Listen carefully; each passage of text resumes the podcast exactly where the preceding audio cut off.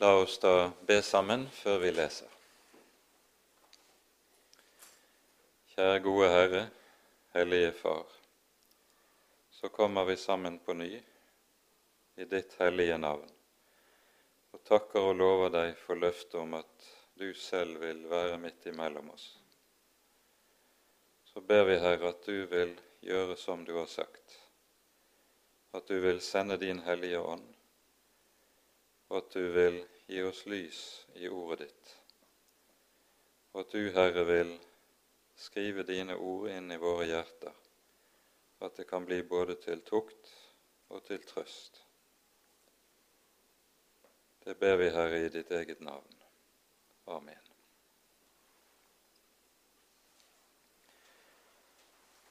Sist gang var vi altså sammen om de ti første versene i det tolvte kapittelet i andre Korinterbrev der Paulus taler om tårnen i kjødet, den som er gitt ham av Herren, med tanke på at Herren skal bevare ham for hovmodssynden.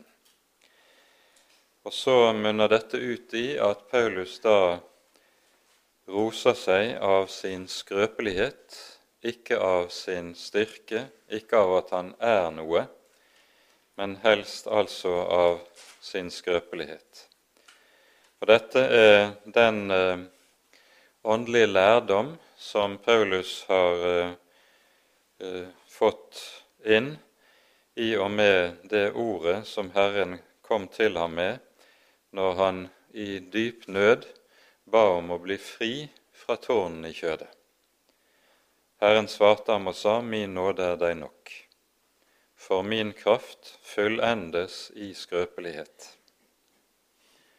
Og så sier han derfor, derfor vil jeg helst rose meg av min skrøpelighet, for at Kristi kraft kan bo i meg. Og så legges det til i det tiende verset, for når jeg er skrøpelig, da er jeg sterk.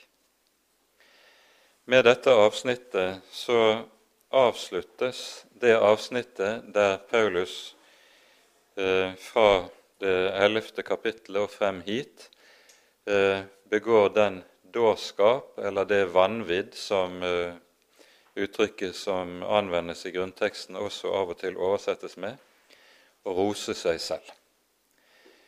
Eh, men det er altså, som vi har sett, en forunderlig slags selvros der Paulus ikke, som folk flest, når de skal eh, fremheve noe med seg selv, roser seg av det de mener er sin styrke, men i stedet altså gjør det motsatte, roser seg av sin skrøpelighet. Og så er det vi da, når vi begynner på det ellevte verset, eh, så å si møter konklusjonen på eh, det som ligger bak, der han samler trådene og eh, samtidig begynner på å forberede sitt besøk i Korint, det tredje besøket han skal gjøre i menigheten. Og Da leser vi nå fra vers 11 i det tolvte kapittelet og ut, til og med vers 21 i Jesu navn. Jeg er blitt en dåre. Dere har jo tvunget meg til det. Jeg burde jo ha fått ros av dere, for jeg står ikke tilbake for noen av disse veldige apostlene, selv om jeg ingenting er. En apostels tegn ble i alle fall gjort iblant dere, med all utholdenhet, både ved tegn og under og kraftige gjerninger. For hva var det dere ble tilsidesatt i for de andre menighetene, uten i det at jeg ikke falt dere til byrde? Tilgi meg denne urett. Se, for tredje gang er jeg nå rede til å komme til dere, og jeg vil ikke falle dere til byrde, for jeg søker ikke det dere eier, men dere selv. Det er jo ikke barna som har plikt til å samle til foreldrene, men foreldrene til barna. Jeg vil mer enn gjerne både ofre og bli ofret for deres sjeler. Skal jeg så bli elsket mindre fordi jeg elsker dere så høyt? La så være at jeg ikke var dere til byrde, men var jeg listig og fanget dere med svik? Har jeg kanskje utnyttet dere ved noen av dem jeg har sendt til dere? Jeg oppfordret Titus til å reise, og sendte en bror med ham. Har kanskje Titus utnyttet dere? Har vi ikke gått frem i samme ånd? Har vi ikke fulgt de samme spor? Dere har nå vel lenge tenkt at det er dere vi forsvarer oss for. Nei, det er for Guds åsyn vi taler, i Kristus. Men mine elskede, alt er til deres oppbyggelse.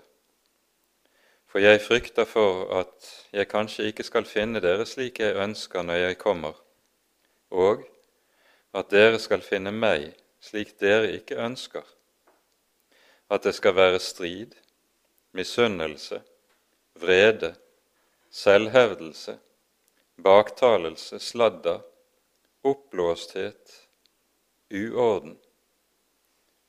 Jeg frykter for at min Gud igjen skal ydmyke meg iblant dere, og at jeg skal måtte sørge over mange av dem som tidligere har syndet, og ikke har omvendt seg fra den urenhet, utukt og skamløshet de har drevet på med.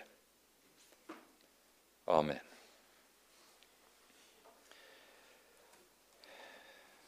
Vers 11 begynner med dette som nesten er et omkved i avsnittet som vi har gått igjennom, nemlig at Paulus sier at det han nå holder på med i sitt selvforsvar, overfor baktalelsen fra de falske apostlene, det er egentlig den skjære dårskap. Det er ytterst motvillig han har latt seg drive til dette selvforsvar. Og når han forsvarer seg selv, så er det ikke egen ære og anseelse han er interessert i å hevde. Det er noe helt annet. Det handler om apostelembetet at det skal stå uh, usmittet i menighetene. For menighetene er jo bygget opp på apostlenes og profetenes grunnvoll. Ødelegges tilliten til apostolatet, dvs. Si apostlenes budskap og apostlenes autoritet, da vil også menighetenes grunnmur forvitre. Og det er det som har drevet Paulus til dette selvforsvar som vi har lest i disse to kapitlene vi nå har gått igjennom. Men det er altså nødtvungent Paulus har gått til dette skrittet og forsvarer seg selv på denne måten. Og vi forstår at selvforsvaret hans er av en ganske annen art enn den selvpromoteringen som kjennetegner de falske apostlene. Han eh, sier og føyer til midt oppi alt dette Jeg burde jo ha fått ros av dere. Med det peker han på noe av det som er svikten i det som har skjedd i Korint, nemlig at menigheten i stedet for å ta til motmæle mot den bakvaskelsen som de falske apostlene har drevet med overfor Paulus, så har menigheten tist stille. Det er jo menigheten som skulle trådt opp til forsvar for apostelen, som var deres åndelige far. I 1. Eh, Korinterbrev kapittel 4 understreker jo Paulus meget sterkt at han er deres far som har født dem ved evangeliet. Og som barn så skulle de minnes det fjerde, at det fjerde bud også gjelder i denne sammenheng. Du skal hedre din far og din mor. Og det innebærer også å tre opp imot bakvaskelse av ens foreldre, enten det nå er ens kjødelige foreldre eller ikke minst ens åndelige foreldre. Men menigheten har altså tiet. De har ikke tatt apostelen i forsvar, noe som har lagt sten til byrden for apostelen og vært med på å gjøre forholdet til menigheten i Korint så komplisert som det har blitt. Han eh, sier nærmest i forbifarten at han står jo ikke tilbake for disse veldige apostlene, men understreker selv om jeg ingenting er når han på denne måten ironiserer, for det er jo det han gjør. Her bruker han på ny dette overdrevne uttrykket som vi har pekt på tidligere fra kapittel 11. Jeg står ikke på noen måte tilbake for disse hyper-superapostlene. Det er så, sånn han har lesset på ekstra i beskrivelsen av disse. For, og Tankegangen er jo nettopp dette at de gjennom å promotere seg selv, vil fremheve sin egen storhet, sin egen betydning, sin egen viktighet. Og så setter Paulus opp i motsetning til dette selv om jeg ingenting er. Når Paulus sier dette, så er det dypt, dypt alvorlig ment. Det som nemlig kan sies å være Paulus sitt valgspråk, det er det vi leser i Galaterbrevet i det annet kapittel. Vi finner det jo like etter andre Korinterbrev. Her skriver Paulus slik i Galatane 2, vers 20.: Jeg lever ikke lenger selv, men Kristus lever i meg. Det liv jeg nå lever i kjødet, det lever jeg i troen på Guds sønn, som elsket meg og ga seg selv for meg. Paulus ønsker altså ikke fremheve seg selv og sin egen betydning i forhold til menighetene. Det er ikke det det handler om. At han har den stilling han har i Guds rike, henger sammen med det vi leser her i Galatane 2.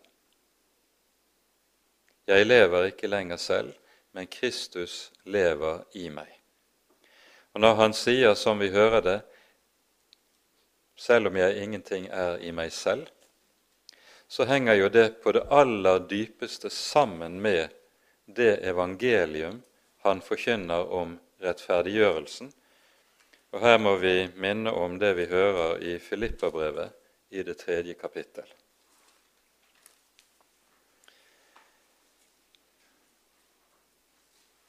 Her taler Paulus i det tredje kapittel om alt det han kunne ha å rose seg av, menneskelig talt. Han står sterkt sånn sett. Men så hører vi fra vers 7 av Men det som var meg en vinning, det har jeg for Kristi skyld regnet for tap. Ja, jeg akter i sannhet alt for tap fordi kunnskapen om Kristus Jesus min Herre er så meget mere verd. For Hans skyld har jeg litt tap på alt.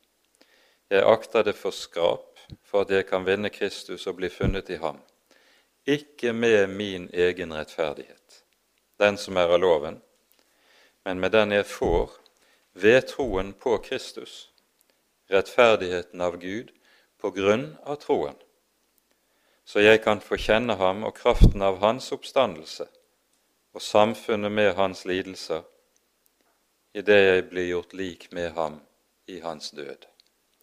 Om jeg bare kunne nå frem til oppstandelsen fra de døde. Her hører vi Paulus tale om de samme saker som vi hører i Korinterbrevet, og vi skjønner at her er det vi finner det egentlige bakteppet for at han kan tale sånn som han gjør, og rose seg av sin svakhet og si som vi hører det her i slutten av vers 11, selv om jeg ingenting er. Problemet er jo nettopp det, nemlig at selvforsvar, det når vi skal forsvare oss selv, det fører regelmessig til selvrettferdighet. Da er det gjerne selvrettferdigheten som tar over ordet, noe som er ytterst farlig. Og det er nettopp dette Paulus unngår på den måten han forsvarer seg selv i forhold til anklagene. Og Det er det som setter hele denne Paulus sin forsvarstale i disse kapitlene i en særstilling, og gir oss ganske meget å tenke på når det gjelder disse ting. Han minner så om sitt apostolat, som vi kommer til i vers 12. En apostels tegn ble i alle fall gjort blant dere med all utholdenhet. I Lukasevangeliets tiende kapittel og i Matteus 10 så sier Jesus med tanke på apostolatet følgende.: Den som hører dere, hører meg. Den som forkaster dere, forkaster meg. Det er dette som er apostolatets tyngde. Apostlene kommer ikke i sitt eget navn, ikke med sine egne tanker eller sine egne ord. De kommer i Kristi sted. Og det å høre apostelen er å høre Kristus. Og Derfor er det også at dette ikke bare gjelder så å si med tanke på den tjeneste og det budskap apostelen har å frembære, men det gjelder også hans helt personlige gudsliv og gudsforhold, slik som vi har lest i Galaterne 2. Jeg lever ikke lenger selv, men Kristus lever i meg. Og dette som gjelder hans personlige gudsliv, det gjelder også hans tjeneste. Den som hører dere, hører meg. Han er apostel. Og det er jo med dette som inngangshilsen vi finner alle brevene fra Paulus åpner. Han skriver 'Paulus, apostel' og Jesu Kristi tjener, f.eks. Han understreker i hvilken egenskap han skriver, for dermed også å gjøre det klart for menighetene når de leser disse brev, så er det ikke Paulus sine ord de hører, men Kristi ord. For den som hører dere, hører meg.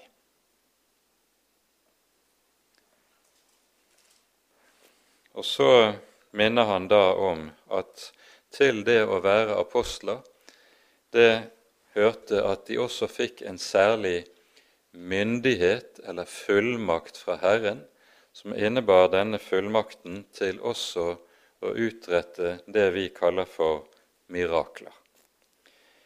Her sies det en apostels tegn ble i alle fall gjort blant dere med all utholdenhet, både tegn og under og kraftige gjerninger.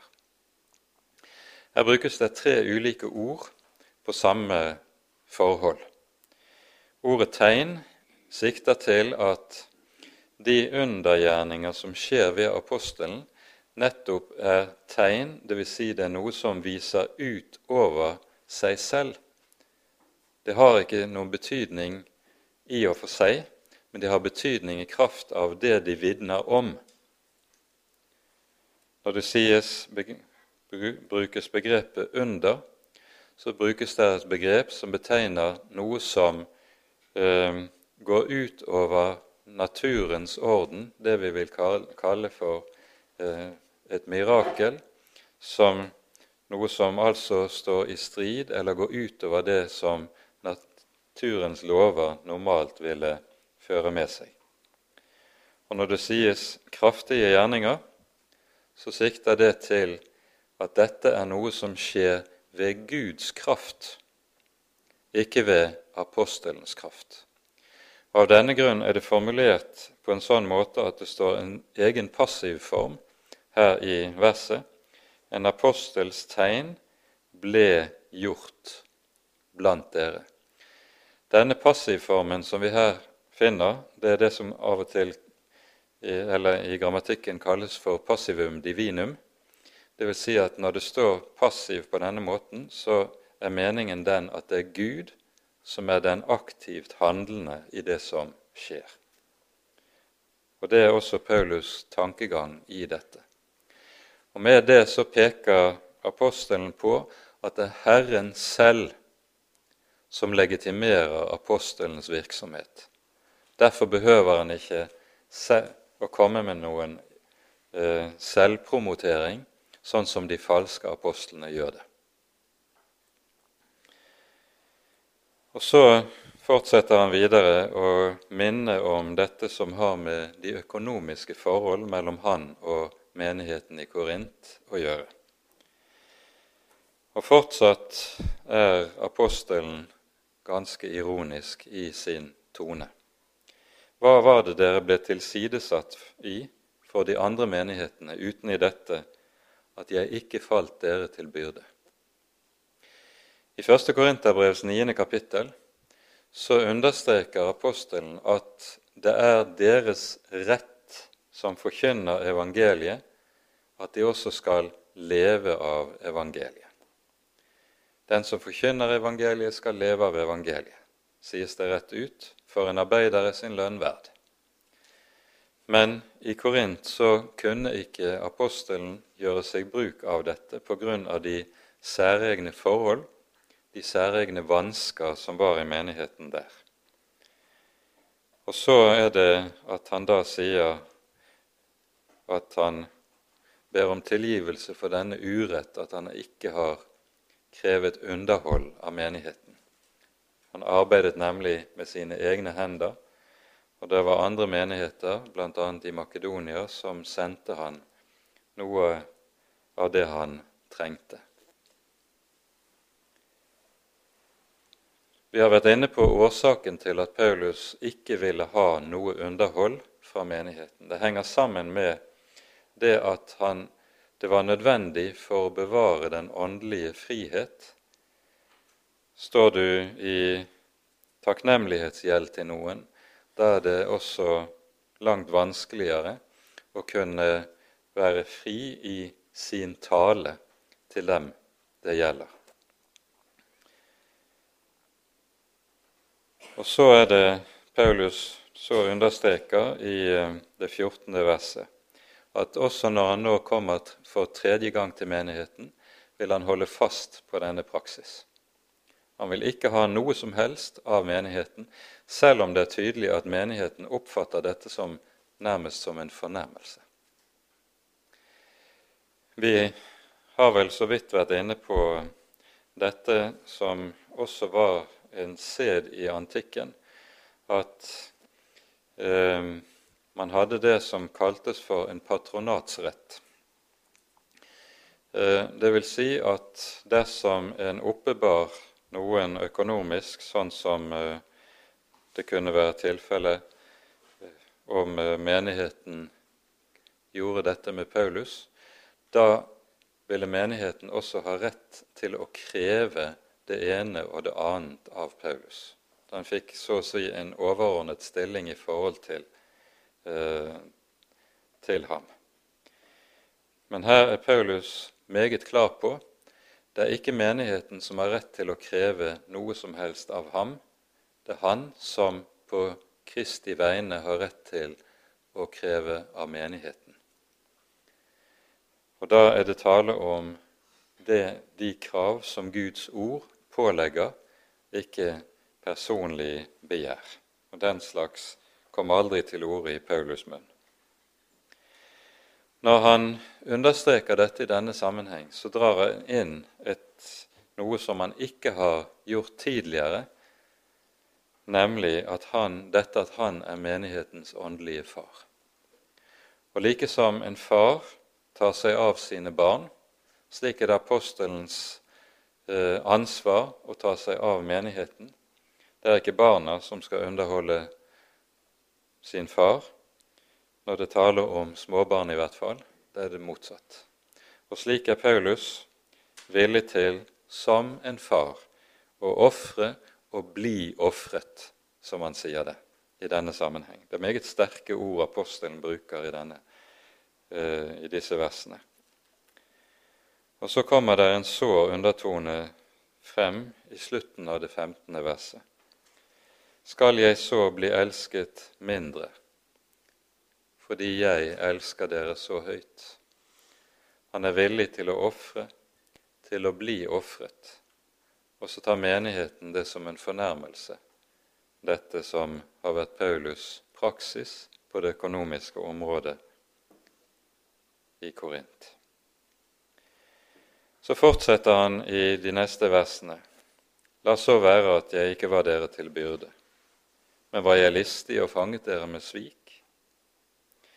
Med dette tenker Paulus på den beskyldning som eh, har vært brukt imot Paulus at de falske apostlene har antagelig hevdet at de midlene som ble samlet inn i menighetene med tanke på de fattige i Jerusalem, de har Paulus stukket til side for seg selv.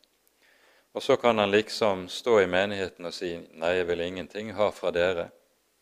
Og så i all hemmelighet så stikker han likevel i lommen for sitt eget vedkommende. Altså han driver et type dobbeltspill og underslår i all hemmelighet av pengene.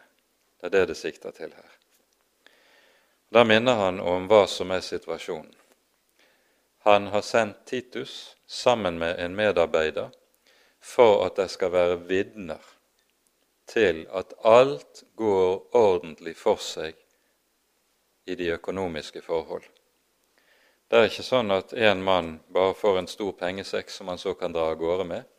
Nei, det skal være flere sammen om det for at det skal være klart og tydelig og vitnefast at her er det ikke noe rot i pengesaker. Og det skal, og når det gjøres på denne måten, så er det fordi at det ikke engang skal gis mulighet til å komme med anklager om det. Dette har vi vært inne på i gjennomgangen av kapittel 8 og 9, så vi bruker ikke mer tid på det. Men vi hører Paulus eh, ta det opp nå når han likesom samler trådene fra det vi har hørt i de foregående kapitlene. Når vi så kommer til de siste versene, vers 19-21, så er det vi så å si uh, kommer til både et punktum og et kolon. Dere har vel nå lenge tenkt at det er dere vi forsvarer oss for. Nei, langt derifra. Paulus er ikke interessert i å hevde egen anseelse overfor menigheten.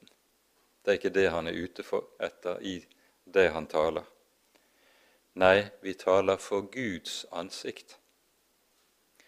Og Her tror jeg det er viktig at vi minner hverandre om ordene i 1. Korinterbrevs 4. kapittel, der Paulus er inne på hva det innebærer, dette at han er forvalter.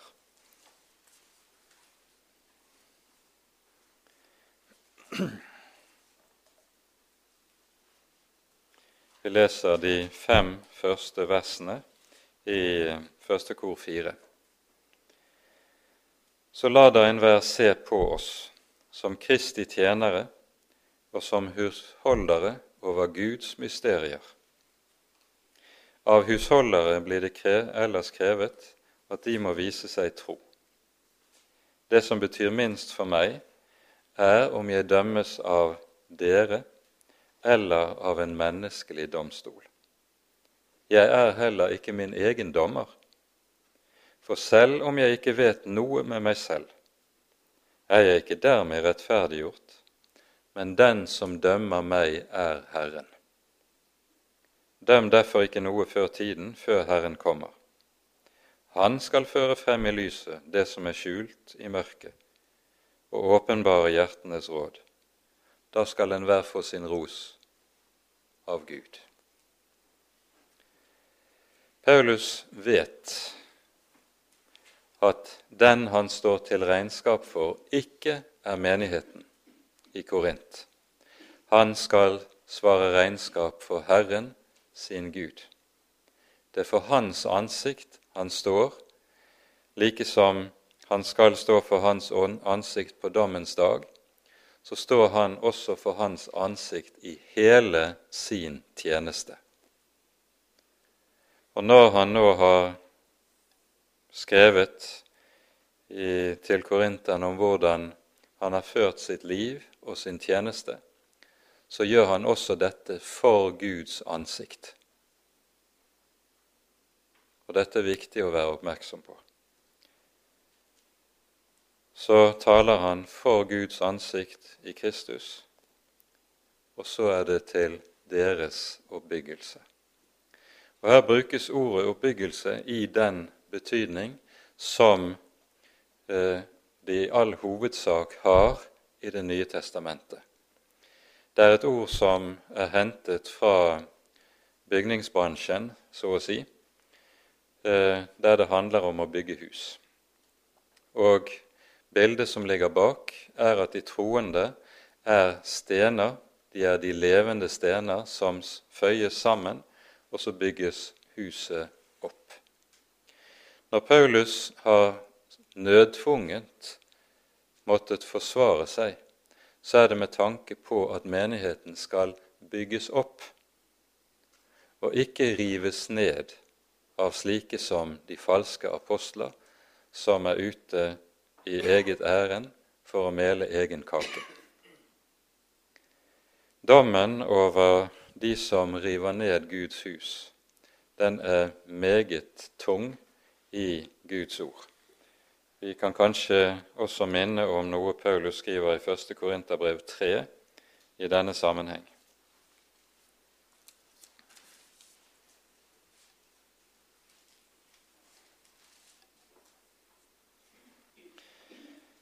Her er det tale om hvorledes menigheten nettopp er Guds eller Den hellige ånds tempel. Og så leser vi vers 16 og 17.: Vet dere ikke at dere er Guds tempel, og at Guds ånd bor i dere? Dersom noen ødelegger Guds tempel, da skal Gud ødelegge ham. For Guds tempel er hellig, og det er dere.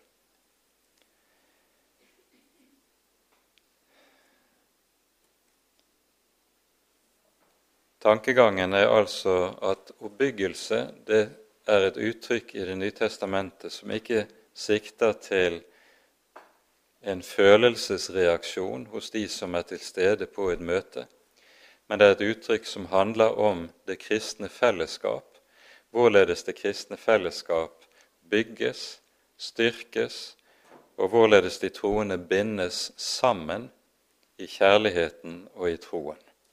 Det er det som er eh, betydningen av begrepet oppbyggelse. Og så rettes blikket fremover, mot det besøk som nå forestår i Korint. Jeg frykter for at jeg kanskje ikke skal finne dere slik jeg ønsker når jeg kommer, og at dere skal finne meg slik dere ikke ønsker. Med det tenker han på at hvis han finner dem som de ikke ønsker, som han ikke ønsker, så tenkes det på Og det ser vi av det som så nevnes av ulike slags synder,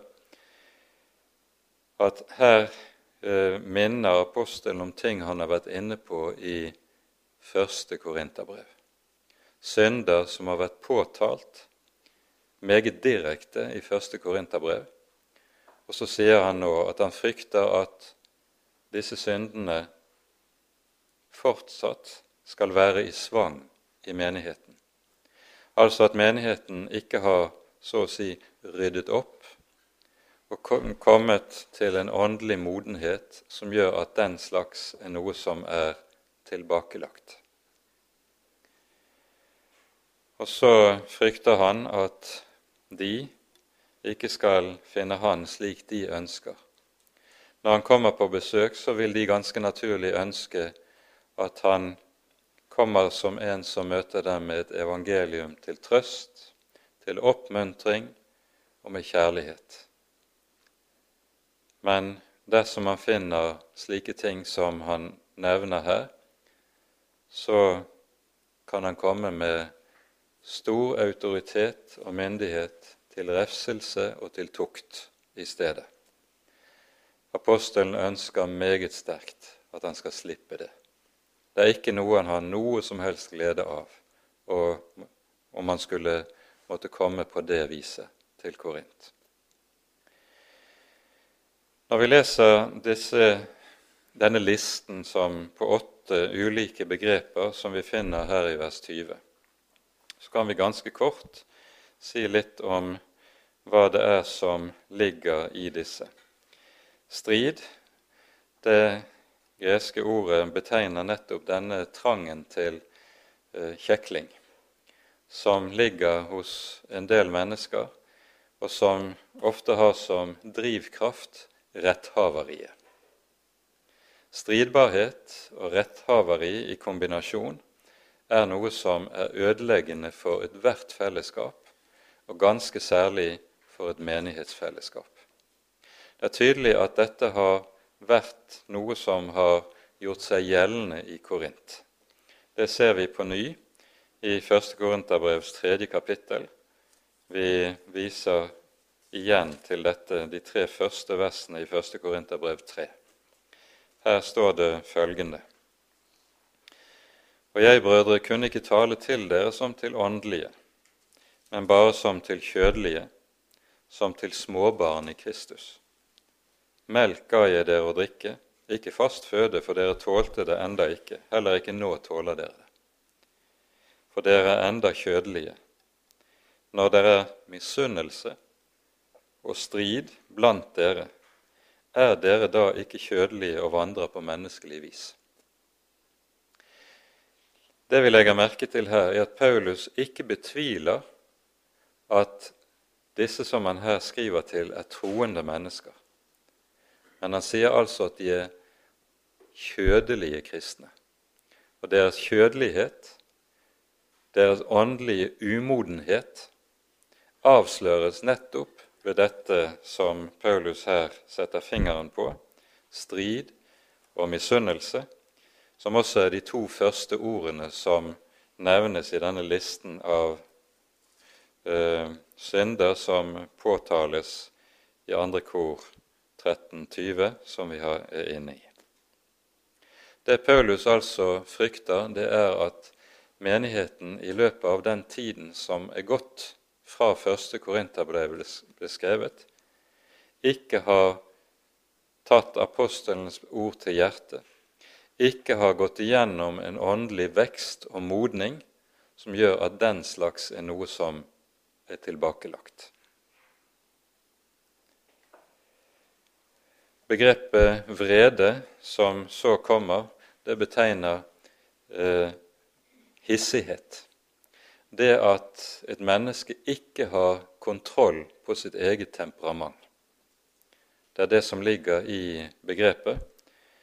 Og eh, den slags manglende selvkontroll det er noe som er meget farlig for et kristent menneske. I ordspråksboken står det slik hissighet er som råttenhet i bena. Og med det så beskrives det ganske malende noe av det farlige med det. For det er jo svært ofte slik at det et menneske får seg til å si i ukontrollerte vredesutbrudd. Det er noe en bittert angrer på. Det er noe som kan slå kraftig tilbake på en selv også. Selvhevdelse, begrepet beskriver seg selv. Eh, noen bibeloversettelser omsetter begrepet som vi her står overfor, med gjenstridighet. Det er dette at en eh, mener seg å være for klok til å behøve å ta imot formaning og irettesettelse. Det er det som ligger i dette ordet. Så kommer det to ord baktalelse og sladder. En eh, tekstutlegger skriver om disse to ordene at med baktalelse tenkes det på den eh, baksnakking som foregår relativt åpent i det åpne rom, mens sladder, det begrepet beskriver noe som foregår i det skjulte. Det er så å si en sånn skjult undergravingsvirksomhet som foregår under radaren, men som likevel kan være fullstendig ødeleggende dersom det får lov til å ete om seg. Begge disse to begrepene, baktalelse og sladder, er jo noe som rammes av det åttende bud. Du skal ikke vitne falsk mot de neste. I det åttende bud beskytter Gud nestens gode navn og rykte. For et godt navn og rykte er noe av det mest verdifulle et menneske eier. Og det dersom et menneskes gode navn og rykte ødelegges, da blir dette menneskets plass og stilling i fellesskapet også umuliggjort. Det skader et menneske meget betydelig der så skjer. Så det åttende bud sin, det at Gud vil beskytte nestens gode navn og rykte, det er et uhyre viktig bud, og det er viktig å merke seg dette som her sies. De neste ordene oppblåsthet Det er et eget ord for uh, uh, hovmod. Um, det at man praler av seg selv. Det, og det siste ordet, uorden, det peker på noe som tydelig kommer frem i, andre, unnskyld, i første Korinterbrev. Menigheten i Korint har vært en menighet der det har vært veldig mye rot og uorden. Det var ikke orden på ting. Motsatt kan vi høre Paulus i eh, Kolosserbrevet i det andre kapittel roser menigheten i Kolosset for den gode orden som der er i menigheten. Ting foregår ikke på halv åtte, verken når det er tale om menighetens gudstjenesteliv eller sånn som menigheten er organisert. Det er ikke kaos og rot i det hele. Det, ikke, det hele foregår ikke tilfeldig og etter innfallsmetoden. Det er orden og denne orden er noe som er av Gud.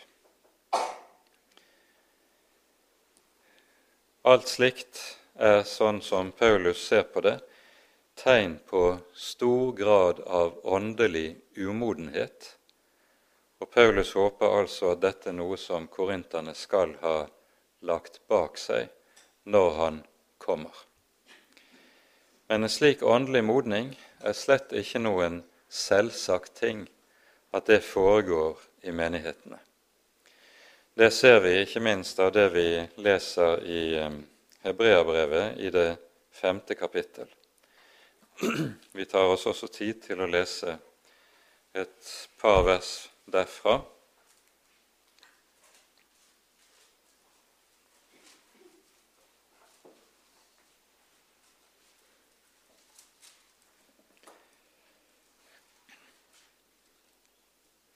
Her står det sånn fra vers 11. Om dette har vi meget å si, som også er vanskelig å forklare fordi dere er blitt sløve til å høre. For skjønt dere etter tiden burde være lærere, trenger dere igjen til at noen lærer dere, lærer dere de første og grunnleggende ting i Guds ord. Dere er blitt slike som trenger til melk, ikke til fast føde. For den som ennå får melk, er ukyndig i rettferdsord. Han er jo et barn.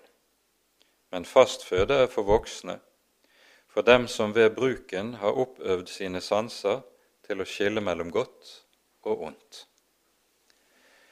Og Den bruk det her er tale om, det er bruken av Guds ord. Når det er godt sånn som vi hører det med hebreerne, at de er som åndelige barn som bare kan motta melk og ikke fast føde, så henger det sammen med at de er blitt sløve til å høre. De er blitt sløve i sin omgang med Guds ord. Og Derfor har det fått som konsekvens at de, der er ingen åndelig vekst, der er ingen åndelig modning. Og så lever de, trass i at de har vært kristne gjennom lang tid, fortsatt på et åndelig barnestadium. Dessverre er dette noe som vi ikke bare kan lese om i Den hellige skrift, men også ser i meget stor utstrekning gjør seg gjeldende i våre dager. I det det ser ut til at undervisningen i Guds ord mer og mer forvitrer rundt omkring i store deler av kristenheten, på en sånn måte at det å feste dypere rot i ordet og i læren, det blir mer og mer selvsynt. Det fører til en mer og mer utbredt åndelig umodenhet, og vi hørte hvorledes denne ble karakterisert i Hebreabrevet 5, nemlig at der slik åndelig umodenhet gjør seg gjeldende, der mister en evnen til å skille mellom godt og ondt. En mister altså åndelig dømmekraft, noe som er ytterst farlig for kristne mennesker dersom dette får lov til å gå over tid.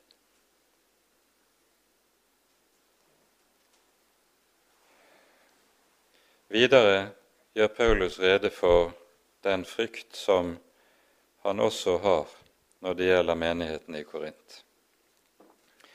Jeg frykter for at min Gud igjen skal ydmyke meg blant dere, og at jeg skal måtte sørge over mange av dem som tidligere har syndet og ikke har omvendt seg fra den urenhet, utukt og skamløshet som de har drevet på med. Det Paulus her omtaler, er antagelig et forhold som eh, vi ikke sjelden kan se. Disse falske apostlene har hatt som hovedinteresse å etablere seg i en stilling der de står i en maktposisjon i forhold til menigheten. Dette innebærer at de opptrer på en sånn måte at alle som er deres tilhengere, de eh, klappes på skuldrene og får gode ord, uansett hvordan de lever og innretter seg. Selv om de kanskje lever i alvorlige synder, så får de aldri høre noe irettesettende ord, noen lovens forkynnelse for det, så lenge de er tilhengere. For det disse falske apostlene jo var ute etter, det var nettopp å få seg tilhengere, slik at de kunne etablere en maktposisjon i forsamlingen. Og så er da Paulus redd for at en konsekvens av nettopp disses virke er at noen av disse syndene som har vært karakteristiske for hele Korint, fortsatt skal finnes i menigheten, i stedet for at det skal være noe som de har omvendt seg fra. Her minner vi om det som står i 1. Korinterbrev 6. kapittel.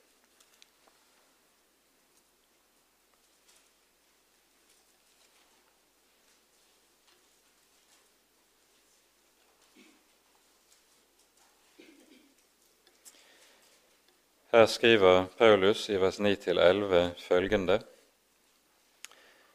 Vet dere ikke at de som gjør urett, ikke skal arve Guds rike?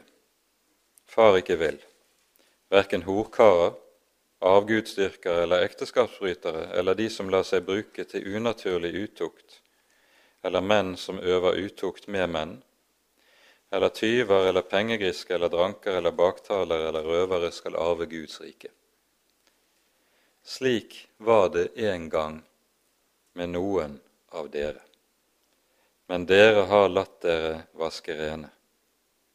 Dere er blitt helliget, dere er blitt rettferdiggjort i den Herre Jesu navn og i vår Guds ånd. Her beskriver Paulus hva det er som har kjennetegnet menigheten. Det er syndere som er blitt frelst. Syndere som ved å venne seg til Jesus er blitt renset fra sin synd og har lagt dette sitt gamle syndeliv bak seg. Når Paulus skriver, som vi hører det her i 2. Korinterbrev, så frykter han altså for at noen av disse syndene på ny skal ha fått rom blant de troende i Korint, ene og alene på grunn av de falske apostlene sitt virke. Og Det han nevner da i vers 21, det er synd på det seksuelle området. Alle de tre begrepene som anvendes her, urenhet, utukt og skamløshet, har med, med synd på det seksuelle området. Ordet som er oversatt med utukt, det greske ordet er porneia, det samme ordet som vi har i pornografi, og som rett og slett betyr hor. Skamløshet, det greske ordet der, eh, betegner det, det at den frekkhet at et menneske med åpne øyne, fritt og frimodig, gjør det som ondt er, det som galt er, uten skam. Ja, sågar kan være stolt av det som andre vil betrakte som sin skam. Skamløsheten er en type frekkhet i forhold til synden og som begrepet er så å si den absolutte motsetningen til begrepet Guds frykt. Og eh, blant kirkefedrene så betegnes det greske ord som her eh, anvendes, som så å si det verste ordet når det gjaldt synden og syndens makt i mennesker. Dette er det Paulus frykter skal, han skal komme til å finne i menigheten som frukt av de falske apostlenes virke, men han håper at det ikke er tilfellet. Han håper det inderlig. Når vi så kommer til det 13. kapittel, så møter vi apostelens siste ord og hilsen. Ehm, og det er egentlig ikke veldig meget nytt som uh, sies i denne sammenheng, annet enn at Paulus gjør det meget klart at når han kommer til menigheten i Korint, så vil han komme med den myndighet som er gitt ham av Herren selv. Uh, og denne myndighet skal gi ham jo nettopp denne fullmakt som vi har vært inne på, når, sier, når Jesus sier 'Den som hører dere, hører meg'. Det er Kristi egen myndighet han kommer med. Og Det innebærer at det er også en myndighet til, dersom det skulle vise seg nødvendig, å sette i verk kirketukt overfor de i menigheten som ikke bøyer seg for Kristi ord i evangeliet. Det er altså en meget alvorlig trussel han kommer med i denne sammenheng, og han skriver slik for at menigheten skal være klar over alvoret i situasjonen. Paulus har tidligere opptrådt mildt. Han har tidligere opptrådt forsiktig, han har tidligere opptrådt med varsomhet for om mulig å vende menigheten om med det gode.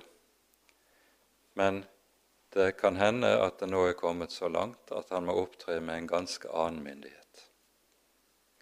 Det man rent kirkehistorisk eh, vet om dette, det er at det ser ut til at menigheten i Korint har tatt apostelens ord til hjertet. Og det ble ikke nødvendig med slike forholdsregler, noe som vi kan helt sikkert regne med ut fra det vi hører, har gledet apostelen meget. Vi gjør det nå sånn at vi slutter av med at vi leser det siste kapittelet i, her i 2. Korinterbrev i sammenheng, Og så blir det også avslutningen på gjennomgangen av dette brevet. Det er nå tredje gang jeg kommer til dere. På to eller tre vitners ord skal enhver sak stå fast. Til dem som før har syndet, og til alle de andre har jeg sagt det før, ved mitt annet besøk hos dere, og nå i mitt fravær sier jeg det igjen, på forhånd. Når jeg nå kommer tilbake, vil jeg ikke vise skånsel. For dere krever jo et bevis på at Kristus taler gjennom meg. Og han er ikke svak mot dere, men han er sterk blant dere.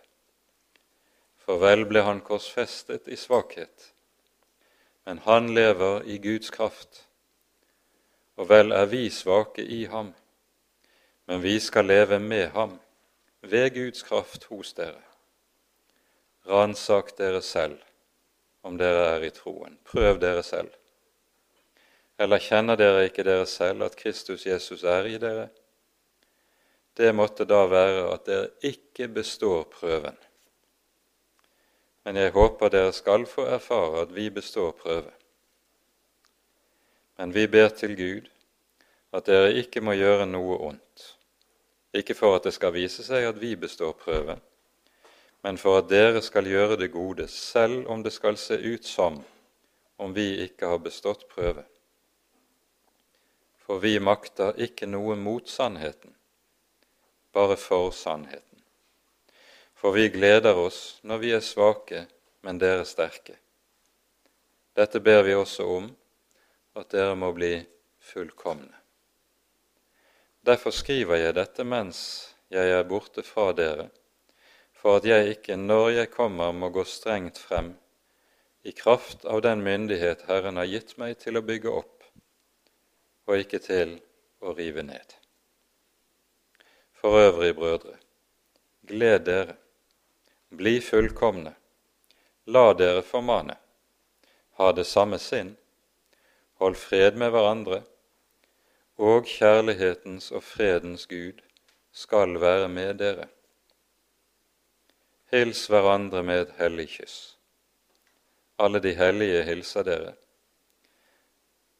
Herren Jesu Kristi nåde, Guds kjærlighet og Den hellige ånds samfunn være med dere alle. Og så slutter brevet med denne velsignelse, som er apostelens inderlige ønske om hva som skal råde grunnen i denne menighet. For menigheten er Herrens menighet. Dere er dyrt kjøpt, skriver Paulus i 1. Korinterbrev kapittel 6. Dere er dyrt kjøpt. Så er da Gud med deres legemer.